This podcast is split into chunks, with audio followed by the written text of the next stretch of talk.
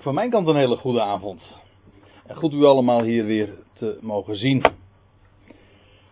En wij gaan vanavond verder met de bespreking van de Korinthebrief. En ik zou kunnen zeggen, om het een beetje populair aan te vangen, met Let's Talk About Love. Want daar ging het over. En all you need is love. 1 Korinthe 13. Het hoofdstuk dat wel genoemd wordt het hooglied op de liefde. En de vorige keer, toen hebben we de eerste zeven versen van dat hoofdstuk besproken. En het is een schitterend hoofdstuk, het is een heel bekend hoofdstuk. Het wordt op, uh, bij allerlei gelegenheden gelezen wat ook maar enigszins in relatie staat met liefde. Maar het verband wordt daarmee heel dikwijls voorbij gezien. Daar heb ik de vorige keer wel aandacht aan gegeven. En omdat we er toen ook niet allemaal waren, maar bovendien, het lijkt me sowieso wel nuttig om even het geheugen op te frissen. Om te zien wat we de vorige keer hebben besproken als terugblik en ook een overzicht van wat we tot dusver met name over dit punt, over dit hoofdstuk, dit onderwerp hebben gezien. 1 Korinthe 12. 13 en 14, dat vormt één geheel en die gaan over, zoals we dat in hoofdstuk 12 vers 1 lezen, de uitingen des geestes, staat er letterlijk, of staat er in de MBG vertaling. Eigenlijk staat er gewoon de geestelijken, of de geestelijke uitingen, want dat is het idee daarbij. En met name gaat het daarbij, want dat is de aanleiding voor het schrijven, in zowel hoofdstuk 12 als in hoofdstuk 13 als in hoofdstuk 14, gaat het over het spreken in tongen, of beter in spreken in talen. Ook daar heb ik de vorige keer al even aandacht aan gegeven. Trouwens, dat zal vanavond ook nog even ter sprake komen. Hoe dat zit, want het woord voor tong in het Grieks is hetzelfde als het woord voor taal. Er is geen verschil. Eigenlijk ook vrij logisch, want een taal spreek je ook door middel van je tong. En bovendien, uh, we kennen het in andere verbanden ook wel. Dan wordt er gesproken in Openbaring 7 staat me bijvoorbeeld voor de geest over alle volkeren, talen en nee, over alle volkeren, stammen en tongen wordt er dan gesproken. Dat is het onderwerp het spreken in talen. En dan gaat het hier in deze hoofdstukken over het spreken in talen die een mens niet geleerd heeft. En dus als een wonderlijke uiting van, van Gods geest. Nou, daar deed men in Korinthe heel spectaculair over. Dat had grote aandacht. Men deed alsof dat het allerbelangrijkste is. Terwijl Paulus nu juist laat zien dat dat spreken in tongen, of het spreken in talen dus, de laagste is in rangorde. We hebben dat ook gezien in het laatste vers van hoofdstuk 12. Nee, het ene laatste vers. Dan, dan geeft Paulus een hele opsomming van allemaal gaven, bedieningen. En dan spreekt hij over ten eerste apostelen, ten tweede profeten, ten derde leraars. Nou, verder krachten. En dan noemt hij een hele op, geeft hij een hele opsomming. En dan noemt hij als laatste het spreken in tongen. En dat is niet voor niks, juist omdat dat de laagste gave is. Waarom de laagste? Omdat het namelijk, en dat wordt dan vervolgens in het veertiende hoofdstuk besproken, uitgebreid, van vers 1 tot en met vers 25. Omdat de gave van het spreken in tongen of talen het uh, de geringste gave is qua, qua vermogen om te stichten en op te bouwen. We zullen dat nog uitgebreid zien in het 14e hoofdstuk. Wat dat nou specifiek is. Nou ja, ik heb er zojuist al wat over gezegd. We hebben er al uh, een paar keer ook aandacht aan gegeven. Maar met name in hoofdstuk 14 zal het uitgebreider aan de orde komen. Dan om nog wat meer in te zoomen op dat dertiende hoofdstuk. Hoofdstuk 13 is in, de, dat drietal, in die drietal hoofdstukken een intermezzo. Dat wil zeggen, hoofdstuk 12 loopt naadloos uh, uit in hoofdstuk 14 en hoofdstuk 13 is er tussen gevoegd als een intermezzo, als een interlude of hoe je dat ook maar zeggen wil. Parenthese heet het ook met een uh, mooi woord. Het is er tussengevoegd, maar niet zomaar omdat dat er dus wel weggedacht kan worden. Het is ook het hart van het hoofdstuk. Dat wil zeggen, de bespreking van hoofdstuk 12 gaat verder in hoofdstuk 14.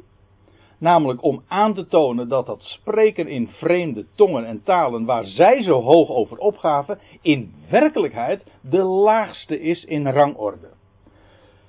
Hoofdstuk 13 vangt dan aan met te zeggen, nou dat is eigenlijk het slot van hoofdstuk 12, dat Paulus een veel hogere weg aan uh, wil tonen en laten zien. Maar hoofdstuk 13 is een intermezzo. En dat gaat over de liefde Gods. Dan nog iets. Uh, het spreken in talen, het spreken in tongen, en dat zullen we in dit hoofdstuk zien, en dat is het onderwerp van vanavond. Het spreken in tongen of talen, dat hoort bij de onvolwassenheid, de onmondigheid. En Paulus laat zien in dit hoofdstuk, en dat is iets wat de meeste mensen ontgaat. Ik zei al, uh, bij allerlei gelegenheden wordt hoofdstuk 13 gelezen, omdat het dan iets te maken heeft met de liefde. Bijvoorbeeld bij een, bij een trouwplechtigheid, dan is 1 Korinthe 13 een heel uh, populair hoofdstuk. Ik zeg er niks van. Ik kan me herinneren dat ik het zelf ook ooit wel eens gedaan heb. Maar dat neemt niet weg dat het daar niet over gaat. Het gaat niet over de huwelijkse liefde. Het gaat ook niet over de liefde in het algemeen. Het gaat over de liefde Gods. Maar juist om te laten zien dat de liefde Gods blijvend is tegenover dat wat zal verdwijnen, dat wat zal verstommen. Dat spreken in tongen, zegt Paulus, het is een profetische blik die hij ten beste geeft, die, waar hij van getuigt. Dat spreken in talen, wat toen der tijd nog bestond, dat zou met de tijd gaan verstommen. Namelijk als de, het, de volwassenheid zou aanbreken. Ik, zal, ik zei al, dat is het onderwerp van vanavond, dus dat ga ik uh, vanzelf nog uh, uitgebreider ook laten zien. Want ik weet dat het omstreden is wat ik nu zeg, terwijl het toch heel duidelijk is. Wat blijvend is, hier op aarde in ieder geval, dat zijn geloof, hoop en liefde. Totdat uiteindelijk alleen de liefde, namelijk de liefde Gods, overblijft. Daarom is dat natuurlijk ook die overtreffende weg die Paulus ook laat zien. Die liefde Gods die alles en iedereen insluit. En eigenlijk zou je kunnen zeggen dat als hij dat in 1 Corinthië 13 zo zegt, dan is dat al een, een voorspel op 1 Corinthië 15 waar geschreven staat dat wat zojuist nog in het gebed ook is aangehaald, dat God alles zal worden in allen. Dat is die liefde Gods die uiteindelijk alles overwint en alleen over zal blijven. Dan, zal, dan zullen zelfs geloof en hoop zijn verdwenen. Niet meer nodig. Dus dat wel eh, even in het kort wat we de vorige keer al hebben gezien, wat we vanavond ook nog zullen zien, als een soort overzicht van de bespreking van hoofdstuk 13. Dan is het misschien nog even goed om het vers voor het voetlicht te brengen wat ik al even uh, noemde, namelijk het laatste vers van hoofdstuk 12, waar Paulus hoofdstuk 13 aankondigt. Nadat hij het een en ander heeft geschreven over de gaven en bedieningen, de genade-effecten, de charisma's, dan zegt hij, als hij dat zo gedaan heeft, en als laatste dan het spreken in talen heeft genoemd, dan zegt hij: streef naar de grootste gave, dat wil zeggen naar de grootste uiting van die genade, naar, de grootste genade-effect, en ik wijs u een weg die nog veel verder omhoog voert. Of ik zal u een weg laten zien die overtreffend is. Hyperbole, dat wil zeggen, ja, met recht overtreffend. Alles overstijgt.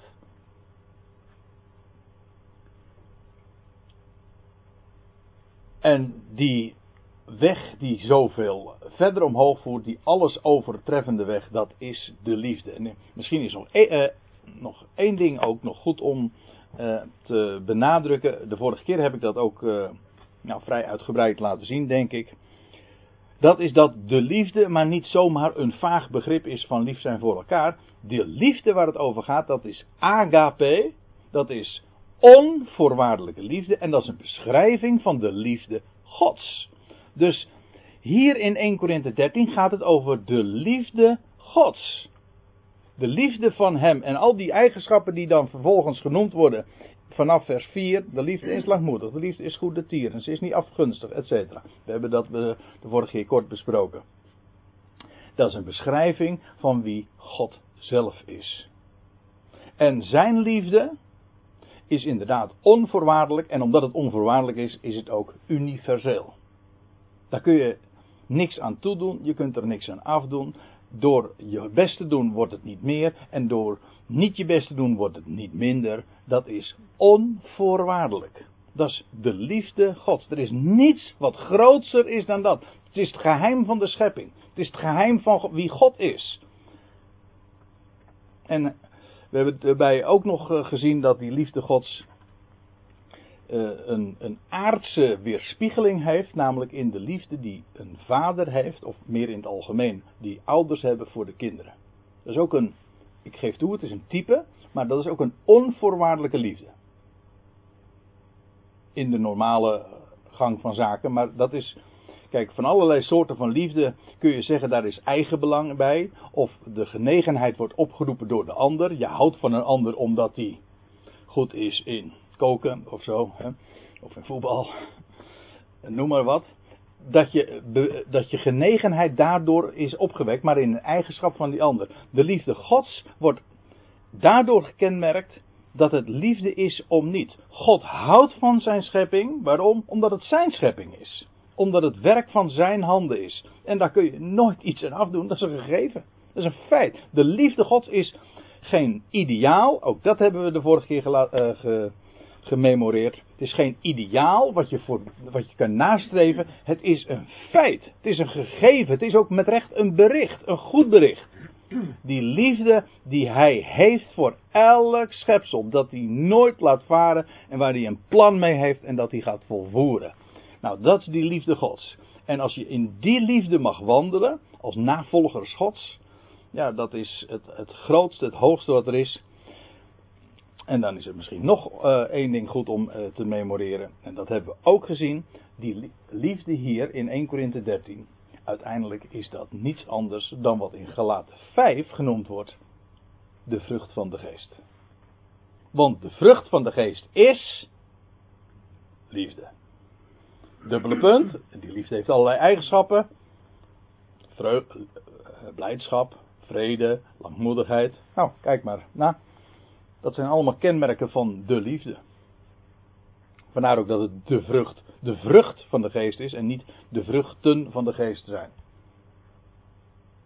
Nou, dat uh, voor wat betreft uh, het overzicht en de terugblik.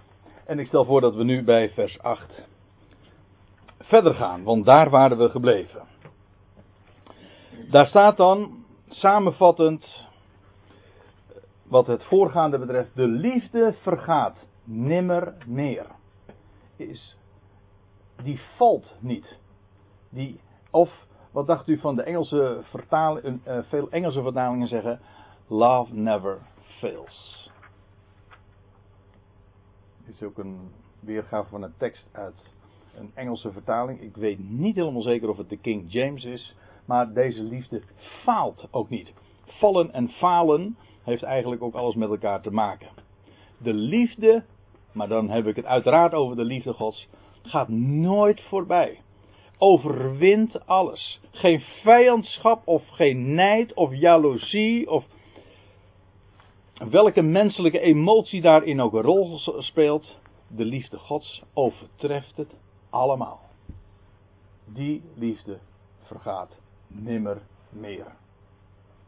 En dat is waar Paulus de Corinthiërs ook op attendeert. Dat is het hoogste, dat is het grootste, wat ook het enige wat ook werkelijk uh, ertoe doet en wat overblijft. De liefde vergaat nimmer meer, maar, zegt hij, en nou komt hij bij zijn punt weer terecht, waarom hij het ook noemt, om het contrast te laten zien, de liefde vergaat nimmer meer, maar profetieën zij zullen afgedaan hebben. Profetieën, wat, is, wat zijn profetieën?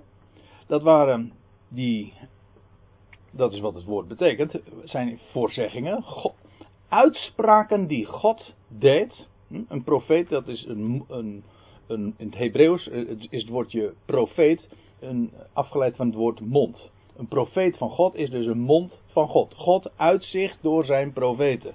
Wel, in de dagen van het Nieuwe Testament, toen het Nieuwe Testament nog niet opgetekend was, waren er profeten. Mensen die het woord van God doorgaven. Wel, zegt Paulus, die profetieën die zullen afgedaan hebben. Dat is niet treurig. Integendeel, dat is een, geweldig een geweldige zaak, een geweldig bericht. Hij, het feit dat hier staat, zij zullen, dat geeft dus aan dat Paulus hier ook iets in voorzegt. De profetieën die toen nog uitgesproken werden, die zouden TZT afgedaan hebben. We zullen straks ook zien wanneer en bij welke gelegenheid en ook waarom. Die zullen afgedaan hebben. Dat woord wat hier gebruikt wordt, dat betekent eigenlijk uh, zoiets als uh, buiten werking gesteld worden. Down unacted. Als je het heel letterlijk uh, neemt. Uh, als je even doorbladert, ik noemde zojuist al even 1 Korinthe 15. Toen het ging over God, uh, alles in allen, dan lees je even daarvoor over de dood die te niet gedaan zal worden. Dan staat daar hetzelfde werkwoord. Buiten werking gesteld zal worden.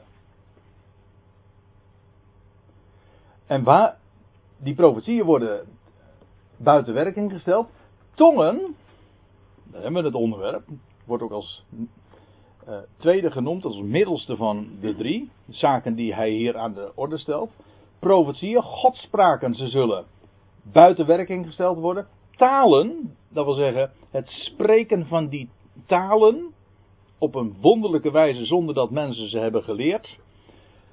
Die zullen verstommen. Wat dus ook weer aangeeft dat het een mindere gave is.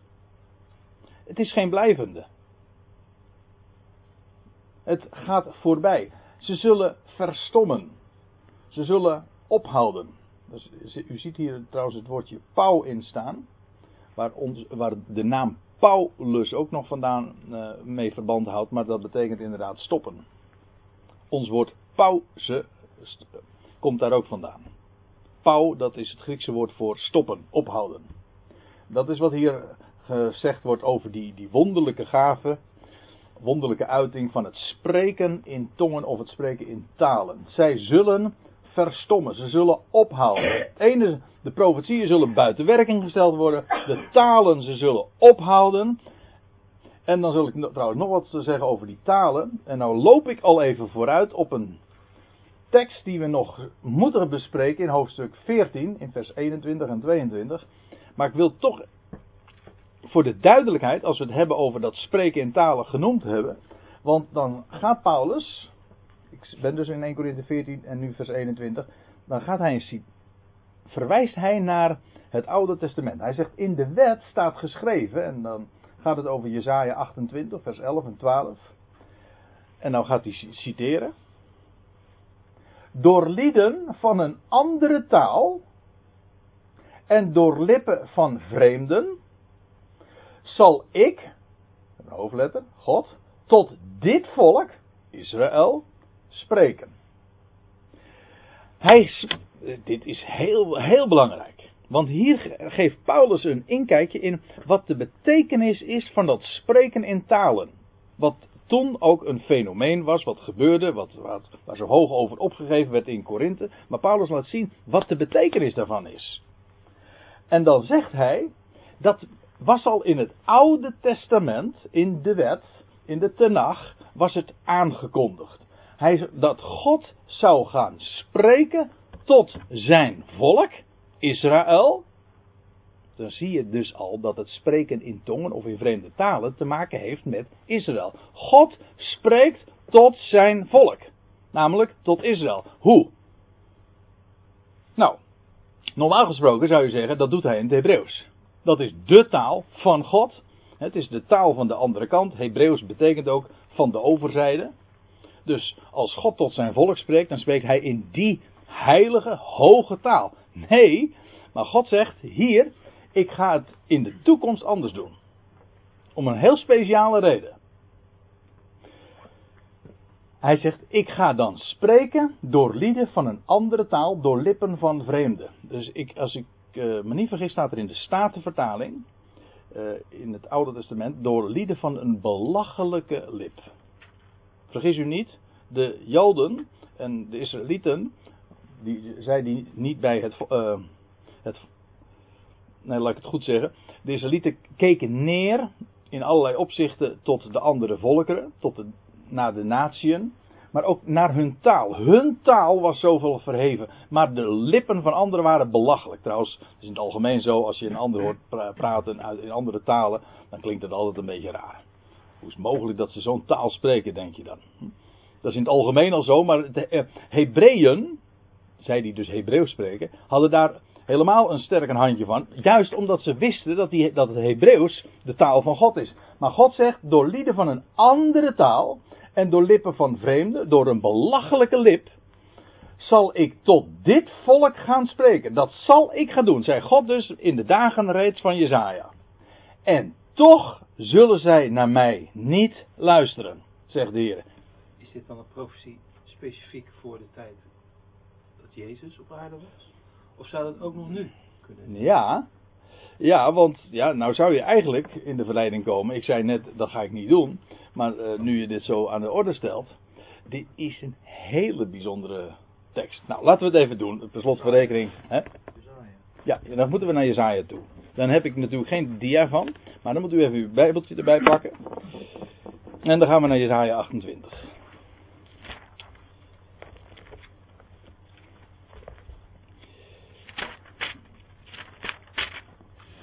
En dat is mooi hoor. Dat te zien. Hè? Ja, en uh, in mijn Bijbeltje staat er dan boven, boven vers 7, tegen de leiders van Jeruzalem. En nou is het een beetje lastig uh, welke vertaling je dan ook hier weer uh, raadpleegt. Maar laat ik beginnen in, in vers 8. Ja, alle tafels zijn vol, ja dat is niet zo mooi natuurlijk als je dat leest, zijn vol walgelijk braaksel, geen plek is er over. Met andere woorden, dat wat daar door de leiders, door de geestelijke leidslieden geserveerd werd op de tafel, geestelijk gesproken, dat was braaksel. Dat, dat, is, uh, uh, dat is niet erg uh, parlementair misschien, maar zo spreekt Jezaja dat uit. En wie wil hij, en er staat er in mijn Bijbeltje een kleine letter, maar er hoort er een hoofdletter te staan. Wie wil hij, God, kennis leren. En wie wil hij een openbaring doen verstaan? Hun die van de melk gespeend aan de, en aan de, uh, aan de borst ontwend zijn. En nou staat er in mijn Bijbeltje een vraagteken bij, maar er hoort geen vraagteken, maar een uitroepteken. Wie wil, eh, sorry? Staat vertaling staat wil hij met een hoofdletter. Ah, ja. Ja, daarom zeg ik al, het hangt er Kijk, ik, als ik nou geweten had dat ik dit uh, zou gaan bespreken, had ik dat, een paar dia's van gemaakt en had ik het ook wat beter kunnen laten zien. Maar goed, we hebben nu ons Bijbeltje zo voor ons. Zou dat niet een vraag kunnen? Want het is een retorische vraag in het begin van 9. Ja, maar het ant kijk, de vraag is: wie wil hij kennis leren en wie wil hij openbaring doen verstaan? Het antwoord is: hun die van de melk gespeend en aan de barst ontwend zijn. Dat wil zeggen, wie wil God zijn openbaring te kennen geven. Wat wil, wat, aan wie wil hij zijn, zijn, uh, zijn woord kwijt? Aan degenen die niet meer aan de melk zijn. Namelijk gespeend. Gespeend wil zeggen dat je niet meer aan de moederborst zit. Je bent gespeend, dus inmiddels van de borst af. Dat wil zeggen, dus dit is ook weer gewoon Paulinische taalgebruik. In de Korinthebrief. In, ja, in de Korinthebrief. Hadden we het toch over in hoofdstuk 3 over, over melk en vaste spijzen. Nou, wie wil God zijn openbaring, maar dan ook werkelijk over de verborgenheid? Wie, aan wie wil hij dat kwijt? Niet meer aan, aan, aan kleine kindertjes, nee, aan hen die daarvoor oren hebben. Volwassenen. Dat is trouwens ook weer het onderwerp van 1 Korinthe 13. Als je niet meer kinderlijk bent, maar eenmaal een man geworden bent. Nou ja, eh, hou, al die associaties even vast. Want, zegt hij dan in vers 10, het is wet op wet, wet op wet, ijs op ijs, ijs op ijs, hier wat, daar wat. Ja, dat is, in het Hebreeuws klinkt dat heel eh, raar als je dit zegt. Het is ook een, een, haast een woordspel als je dat in het Hebreeuws eh, hoort. Maar dat is niet genoeg om, de, om erop te wijzen. Wat was het probleem? In de dagen van Jezaja al, dat wat die leiders brachten, wat de geestelijke leidslieden brachten, dat was niet het woord van God. Het was wet op wet, ijs op ijs. Dat heeft ook te maken met de Talmud en alles wat ze erbij bedacht hebben. Geboden van mensen. En dan zegt hij, in vers 11.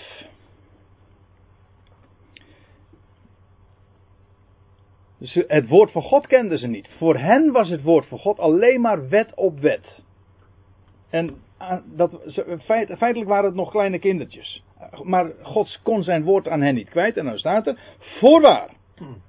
Door mensen die een onverstaanbare taal spreken. Voor, hè, dit volk namelijk. En in een vreemde tongval.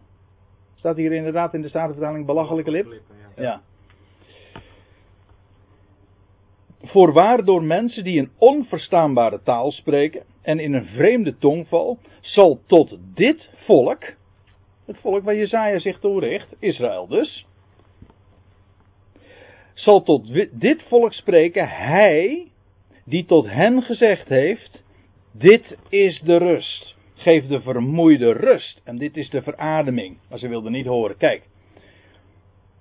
Ja, en nou, ik lees meteen even verder. Zo zal, voor, zo zal voor hen het woord van des Heren zijn. Wet op wet, wet op wet, ijs op ijs, ijs op ijs, hier wat, daar wat. Opdat zij bij hun gaan achterwaarts struikelen en te pletter vallen, verstrikt en gevangen worden. Ja, alsjeblieft. Maar wat hier staat is dus dit. Dat het woord van de Heere was voor het volk, voor het volk van Israël, het Joodse volk meer specifiek, dat was wet op wet, ijs op ijs. En nou zegt de Heer zelf, het, wat het, ze begrijpen niet wat het werkelijk is. Namelijk rust. Dit is de rust. Geef de vermoeide rust. Dit is de verademing. Kijk, dat is wat werkelijk het woord van de Heer is. En dan begrijp ik ook meteen, als ik het zo zeg, wat de Heer Jezus zegt in, in, in Matthäus 11. Ook richting de leidslieden van zijn dagen. De geestelijke leid, misleiders feitelijk. Dan zegt hij: Komt allen tot mij die vermoeid en belast zijn. Namelijk vermoeid en belast door menselijke geboden. En daaronder gebukt gingen. En, en ik zal u rust geven. Want mijn juk is zacht. En mijn last is licht. Want dat is namelijk belofte. Ik vervul het. Ja, maar nu even terug naar het verband. Want waarom noem ik dit nu? Dit. Uh, het verband gaat hier dus over. Israël begrijpt het woord van God niet. Het is voor hen wet op wet, ijs op ijs. En dan zegt God: Ik zal tot dit volk gaan spreken. Niet meer in het Hebreeuws, maar door een belachelijke lip. Door een, door een vreemde tongval. Niet in het Hebreeuws, maar ik ga in andere taal tot dit volk spreken. En feitelijk, dat is wat die, dat spreken in tongen is. God spreekt tot zijn volk. Hij spreekt tot zijn volk, maar in een niet-Hebreeuwse taal.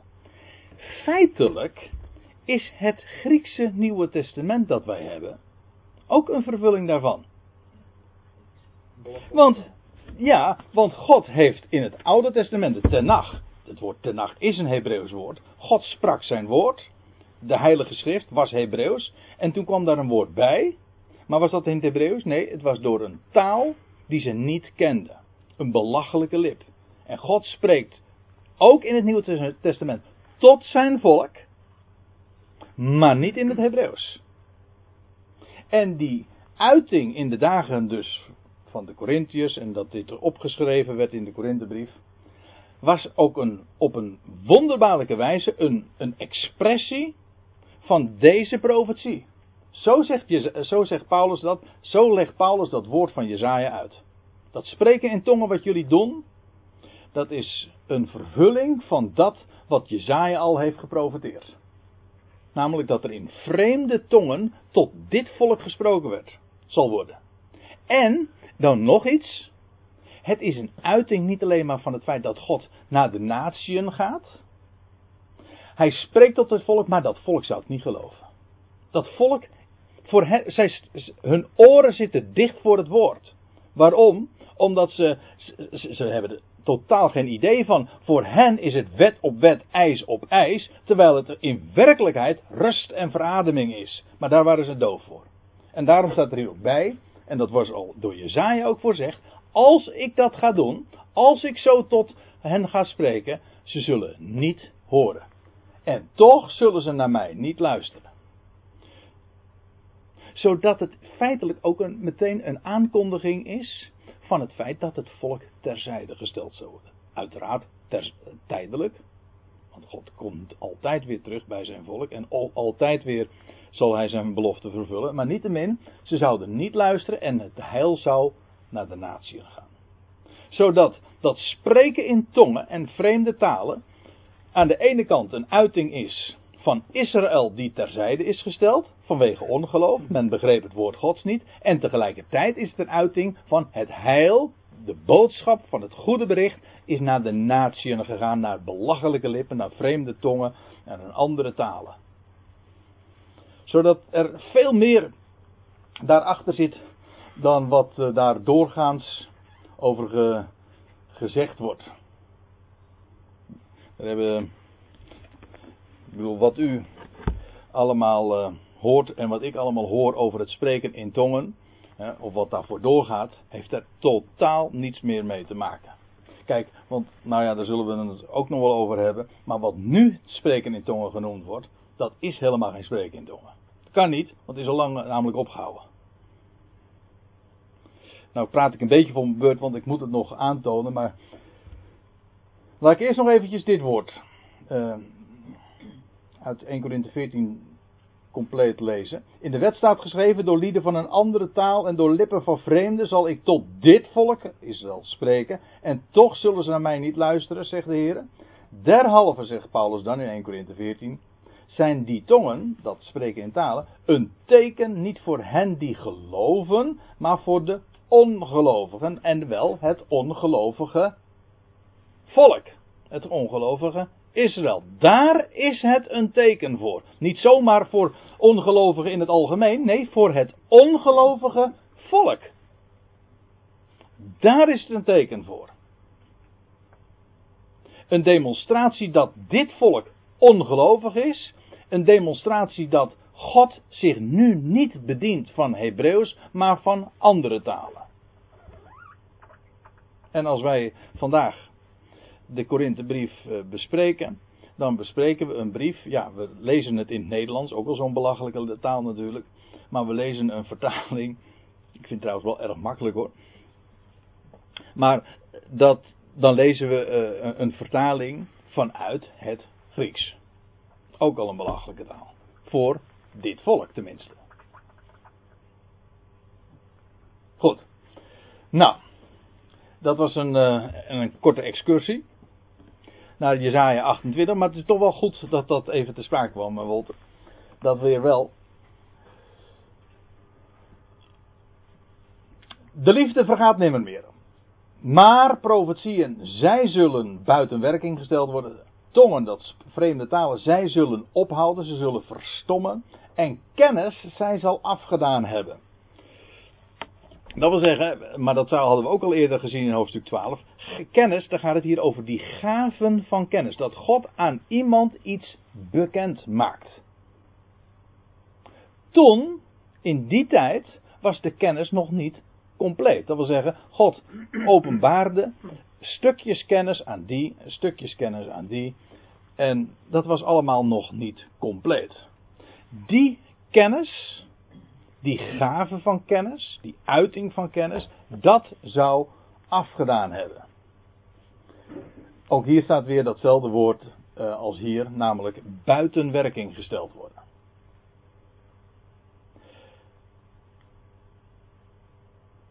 Eén ding blijft, dat hebben we gezien. De liefde vergaat nimmer meer. Maar drie dingen worden hier genoemd: profetieën, tongen die kennis, die gaven van kennis, die zouden buiten werking gesteld worden, ophouden of verstommen en afgedaan hebben.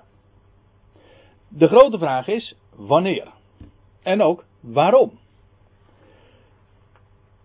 Nou, laten we eerst eens even vers 9 lezen. Want, dat is dus een verklaring waarom dat zo zal gaan gebeuren. Want onvolkomen is ons kennen. Onvolkomen dit woord, daar staat in het Grieks dit woord. Uh, een, een woord dat te maken heeft met deels of stuksgewijs. Gedeeltelijk. Dit woord wat hier vertaald wordt met onvolkomen, we komen in 1 Korinthe 11 kwamen we de, een, uh, de stam van het woord ook al tegen in 1 Korinthe 11 vers 28 en dan zegt Paulus zo in een bepaald verband doet nu even niet meer de zaken, maar dan had hij iets gehoord en dan zegt hij ten dele geloof ik dat. Voor een deel of gedeeltelijk geloof ik dat. Nou, dat is wat hier vertaald wordt met ten dele, dat is de meest letterlijke weergave, wordt hier vertaald met onvolkomen. Maar onvolkomen wil zeggen, dat is de betekenis van het woord, het is stuksgewijs, gedeeltelijk is ons kennen. Deels. Deels is ons kennen. En deels is ons profiteren. En dat plaatje met die stukjes van een puzzel is natuurlijk niet voor niks. Dat doe ik ook omdat al die stukjes, weliswaar in zijn geheel op de juiste wijze neergelegd, een totaliteit vormt. Maar de stukjes op zich zijn onvolkomen. Het is hier wat, het is ja, met recht, hier wat, daar wat. Hè? Stuksgewijs is ons profiteren. Dus wat er gebeurde, je moet even goed voorstellen wat daar in die dagen gebeurde. Het getuigenis klonk van de opgestane Messias. God had inmiddels Paulus geroepen. De boodschap was naar de natieën gegaan. In een vreemde tongen werd er gesproken. Ook tot dit volk, maar het volk geloofde niet. Dat was er aan de hand. Maar het was. Hier werd wat geopenbaard, daar werd wat geopenbaard. Maar dat lag allemaal nog niet vast. De schriften, het woord Gods, was nog niet compleet. Dat is allemaal gedeeltelijk. En bovendien ook nog niet eens op schrift gesteld. Nog niet zwart op wit. Ja, deels. Ook hier een brief, daar een brief. Maar het was allemaal nog niet af. De puzzel was nog niet af. Het was allemaal nog maar. Hier lag een stukje, daar lag een stukje. Eigenlijk een heel mooi beeld van die, van die puzzel. Want het geeft wel aan, het was in aanbouw. En de contouren werden steeds meer zichtbaar. Maar het was allemaal nog stuksgewijs.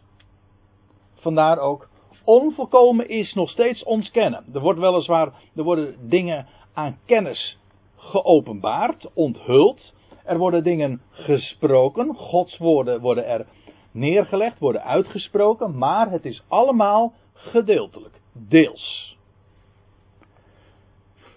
Maar, kijk, nou hebben we dus aan de ene kant gezien waarom, nee, vers 8, dat, het, dat die profetieën, tongen en kennis zouden ophouden, zouden buiten werking gesteld worden. Vers 9 zei waarom dat zo is, omdat het allemaal maar uh, deel, gedeeltelijk was.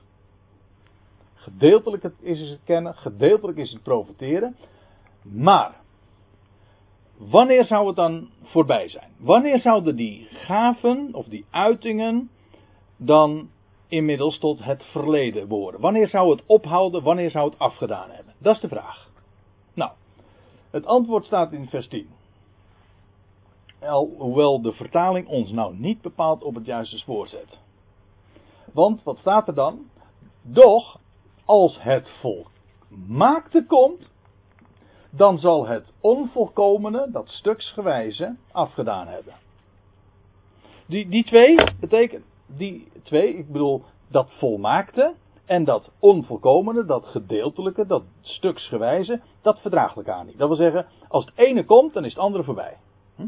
Als het volmaakte komt, dan is dat stuksgewijze, dat volkomene, heeft, is buiten werking gesteld. Is voorbij. Heeft afgedaan. Is opgehouden. Ja? De vraag is nu, dus de grote hamvraag. Wat is dat volmaakte? Denk ik. Ja, want kijk, waar denk je aan bij het volmaakte? Laat ik eerst even iets zeggen ten voordele van deze weergave. Zonder nou meteen met kritiek te beginnen. Het woord volmaakt, dat kan wel. In een bepaalde zin, het woord, het Griekse woord, heeft te maken met, uh, met einde, voleindigen. En als je iets voleindigt, dan kan dat, uh, het, als het inderdaad compleet is, als het af is, dan is het perfect. In een ander opzicht, laat ik eh, een voorbeeld daarvan geven. Van offerdieren lees je in de, in de Griekse vertaling van het Oude Testament, de zogenaamde Septuagint. Daar worden uh, offerdieren ge, volmaakt genoemd. Teleon, telos, dat, dat woord. En dat betekent gaaf. Het zijn gave dieren.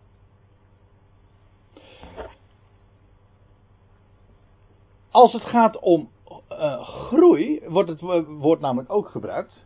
Ik zal u uh, dat laten zien. Teleos, dat kan in een bepaalde uh, verband kan dat inderdaad te maken hebben met het volmaakte. Als het echter gaat om groei, in die beeldspraak, dan is het gewoon de volwassenheid. Het, dit woord dat Paulus hier gebruikt in 1 Corinthië 13, vers 10, wat hier dus vertaald wordt met volmaakt, dat komen we drie keer tegen in de Korinthebrief. Nou, laten we die andere twee keren ook zien. In hoofdstuk 2, vers 6, daar wordt het vertaald met rijp. Laten we het even opzoeken. Als we nou toch aan het bladeren zijn.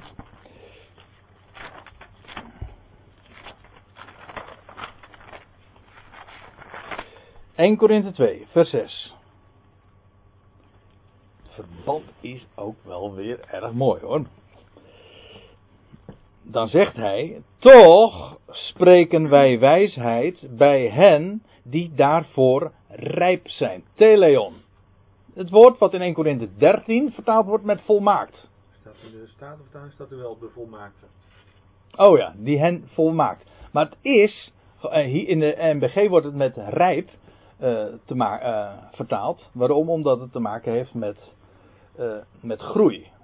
De, volgroeid zijn. Als, je, als de groei vol is, dan, zeg, dan spreken we niet over volmaakt, maar dan zeggen we volwassen. En dat is ook precies de beeldspraak. Want Paulus zegt dan in hoofdstuk 3, vers 1. En ik, broeders, kon nog niet tot u spreken als tot geestelijke mensen, maar slechts als tot vleeselijke, nog onmondigen. In Christus melk heb ik u gegeven, geen vast voedsel, want dat kon gij nog niet verdragen. Ziet u, eh, het gaat erom, Paulus had zoveel te melden, de verborgenheid, maar dat was vaste spijs. En die kon hij slechts kwijt aan degenen die inmiddels volwassen waren, rijp, volgroeid. Volmaakt is prima. Als je vast wil houden aan het woord volmaakt, dan vind ik dat prima. Maar dan in de zin van volmaakte groei. Dat wil zeggen volwassenheid. Dat is gewoon de term die wij daarvoor gebruiken. Dan heb ik er nog één. Want in hoofdstuk 14 komen we het woord nog een keer tegen. Dus eerst in 1 Korinthe 2 vers 6, dan in 1 Korinthe 10, 1 Korinthe 13 vers 10 en dan vervolgens nog in 1 Korinthe 14 vers 20. Nou, laten we die dan ook meteen maar even erbij pakken. 1 Korinthe 14 vers 20. Daar staat Broeders, wees geen kinderen in het geest. Nee, ik moet de klemtoon goed leggen. Wees geen kinderen in het verstand, maar in de boosheid. Wordt in het verstand volwassen. Hier de derde keer dat dit woord gebruikt wordt. Wat staat er in de Statenvertaling trouwens? Hetzelfde. Ook volwassen? Ja. Dus uh, de, de Statenvertaling uh, zegt uh, twee keer volmaakt en één keer volwassen. Maar in alle drie de gevallen, ik hoop dat u dat inmiddels ziet. In alle drie de gevallen. In 1 Korinthe 2 vers 6 gaat het over degene die rijp, dat wil zeggen volwassen zijn. 1 Korinthe 14 wordt het vertaald met volwassen. En hier in hoofdstuk 13 zou het ook gewoon met volwassen of volwassenheid vertaald moeten worden. Dat is volkomen helder, want even later in 1 Corinthië 13, en nou praat ik over vers. Het volgende vers wordt er gezegd. Toen ik een kind was, sprak ik als een kind, voelde ik als een kind, overlegde ik als een kind. Nu ik een man ben geworden, heb ik afgelegd wat kinderlijk was. Het hele verband gaat juist over van kindschap naar volwassenheid. Dat is verband. Daarom het woord volmaakt hier in hoofdstuk 13, vers 10, zet op een verkeerd been. Als men het gewoon, als je het vanuit de Korinthebrief bekijkt en men had het concordant ook weergegeven, dan had hier gestaan, doch als de volwassenheid komt. En wij, weet u waarom het ook nog om een andere reden uh, misleidend is? Want ik weet niet beter dan dat ik altijd daarover gehoord heb destijds dat dit gaat en de verreweg uh, van de meeste christenen zullen daarbij denken. Ik herinner me nog heel goed dat het was in 1988 dat ik daar nog eens een keer een heftig gesprek over had in Amsterdam in de Shelter. In een Christian Youth Hostel met een paar Engelse Pinkstervrienden. En die uh, zeiden van 1 Korinthe 13, de, uh, vers 10, daar staat dat, die, dat spreken in tongen, want daar waren ze erg enthousiast over. Dat zal pas ophouden als, als de Heer komt. Dan, dan, want dan is er pas de perfectie. Hier op aarde is de perfectie niet. Dus zie je hoe, hoe misleidend zo'n zo'n weergave is. Het gaat niet over de perfectie of de volmaaktheid. Het gaat over de volwassenheid. Als de volwassenheid komt, dan zal het onvolkomene afgedaan hebben. Dat wil zeggen dat stuksgewijs, hier weer datzelfde woord, dat deels, dat ten dele. Als de Ecclesia, wij als geheel, als lichaam, als het lichaam dat in die dagen nog kinderlijk was, volwassen zou worden, of ja, zou, zou zijn, als het eenmaal volwassen zou zijn, dan zou dat onvolkomene, dat deels gedeeltelijke, dat stuksgewijze voorbij zijn. En daarmee ook dat spreken in vreemde talen, het de profetieën of die gaven van kennis. Waarom? Omdat de kennis dan volkomen zou zijn. Het zou dan niet meer gedeeltelijk zijn. God zou zijn woord compleet hebben gemaakt. En dat is misschien het uh, laatste wat ik dan nog even wil noemen. Dat is dan, dan gaan we weer even. Ook daar heb ik even geen dia van. Maar Colossense 1, vers 25.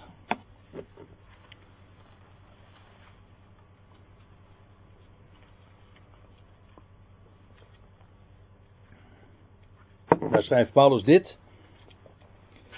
Dat hij een, een dienaar is van, de, van Christus en zijn lichaam, de Ecclesia. Dat is vers 24. En dan staat er: Haar dienaar, dat wil zeggen van dat lichaam van Christus, ben ik geworden. Krachtens de. Ja, in mijn Bijbel staat er dan de bediening, maar er staat gewoon krachtens het beheer, de huishouding of de bedeling Staat er in de Statenvertaling bedeling? Bedeling, ja. Ja. Nou, staat inderdaad het, Griekse woordje oikonomia, waar ons woord economie, het beheer. Haar dienaar ben ik geworden krachtens het beheer, de huishouding die mij door God is toevertrouwd om onder u, de natie, het woord van God, ja, en dan staat er in de MBG-vertaling tot zijn volle recht te doen komen, maar als u een Statenvertaling hebt, dan staat er te vervullen. Te completeren. Dat is het woord wat hier staat. Om het woord van God compleet te maken. De bediening, de, het beheer dat aan Paulus was toevertrouwd om onder de natie het woord van God compleet te maken. En als het woord van God compleet is, dan is er geen kennis meer aan toe te voegen. Dan is alles wat aan kennis te vertellen is, is verteld. De godspraken zijn dan uitgesproken en bovendien ook geboekstaafd, zwart op wit gesteld. Alles wat God te melden heeft, is inmiddels dan compleet. Dus dan heeft het stuksgewijze afgedaan. Het geheel is afgerond. Alles wat God te melden is verteld. Het is bovendien zwart op wit. Het gaat over de schriften die tot volkomenheid gekomen zijn. En dan heeft dat onvolkomen afgedaan. Dat is die volwassenheid waar Paulus het over heeft. En dat is tevens ook de, de lijn waar het onvolkomene dus, dat stuksgewijze, ophoudt. De tongen zouden dan zijn verstomd. De, die gaven die God toen nog gaf, in de dagen van de Corinthiërs, zouden inmiddels tot het verleden behoren. Ik stel voor dat we het even hierbij houden, dan gaan we straks hierop verder. Even een vraagje nog even. Ja. Uh, spreken tongen, dat is uh, voorbij. Ja. Bestond. Maar wat, wat, wat, wat, wat, doen ze nu dan? Ik bedoel, het zijn Pinkster mensen zelf die zeggen dat ze spreken tongen. Ja, Is dat nep. woord? Nou ja, nee, weinig eigenlijk. Maar ik versta er niks van. Hier. Nee, niemand, niemand niet hoor. Oh. Nou, dat, Ik niet in ieder geval. nou, eh, dat is op zich nog niet een bewijs dat het dus niet echt zou zijn. Want dat was in de dagen van de Corinthiërs ook al. Er werd daar ook veel in tongen gesproken. En Paulus zegt ook al van ja, niemand verstaat het. Dat is net zoiets als dat ik nou hier in het Chinees zou praten. Dan zou niemand het hier verstaan, veronderstel ik. En Paulus zegt ook, als er geen, die doet er voor dus niks aan toe, eh, toe of af, maar hij zegt als er geen uitleg bij is, doe het er niet, want dan heeft Ja. niemand er wat aan. Ja. Dus ja. Maar als de volwassenheid inmiddels dus is aangebroken, dan zou God die gave die toen nog bestond, niet meer geven. Dat betekent dus dat alles wat zich vandaag eh, als profetie aandient, of wat zich aandient als spreken in tongen, gewoon imitatie. Per definitie, op voorhand al. En dan zeg ik nog niet eens dat het uit een, dus een hele, uit een demonische bron, maakt, want daar wordt eh, soms dan over gediscussieerd. Ja, waar komt het dan vandaan? Nou, één ding lijkt mij meer dan genoeg om vast te stellen. Het komt niet uit de schrift. Dat is meer dan genoeg om vast te stellen. Het is niet naar de schrift. Het heeft afgedaan. Punt. Ja, en plus dat het natuurlijk alleen eh, nodig was om eh, Joden eigenlijk eh, het woord van God te laten horen. Ja, het was inderdaad. God sprak tot zijn volk. Zijn volk. Ja. Dat niet geloofde. Ja, en het is, moet ik er ook bij zeggen, dat als je daar eens kennis van neemt van alles wat zich vandaag als profetie aandient in de charismatische wereld, geldt ook voor de, dat wat spreken in tongen genoemd wordt. Het is zo overduidelijk nep. Maar ja, je zal maar niet begrijpen dat inmiddels de volwassenheid is aangebroken. En aan de schriften niet genoeg hebben. En niet weten dat Paulus het woord van God gecompleteerd heeft. Ja, dan ga je dus teruggrijpen op dingen, op zulke kinderlijke dingen. En toen was het nog tenminste terecht. Of in ieder geval was het nog echt. Maar nu is het op voorhand al nep. Ja, dat is. eh, daar word je niet blij van, van zulke uitingen.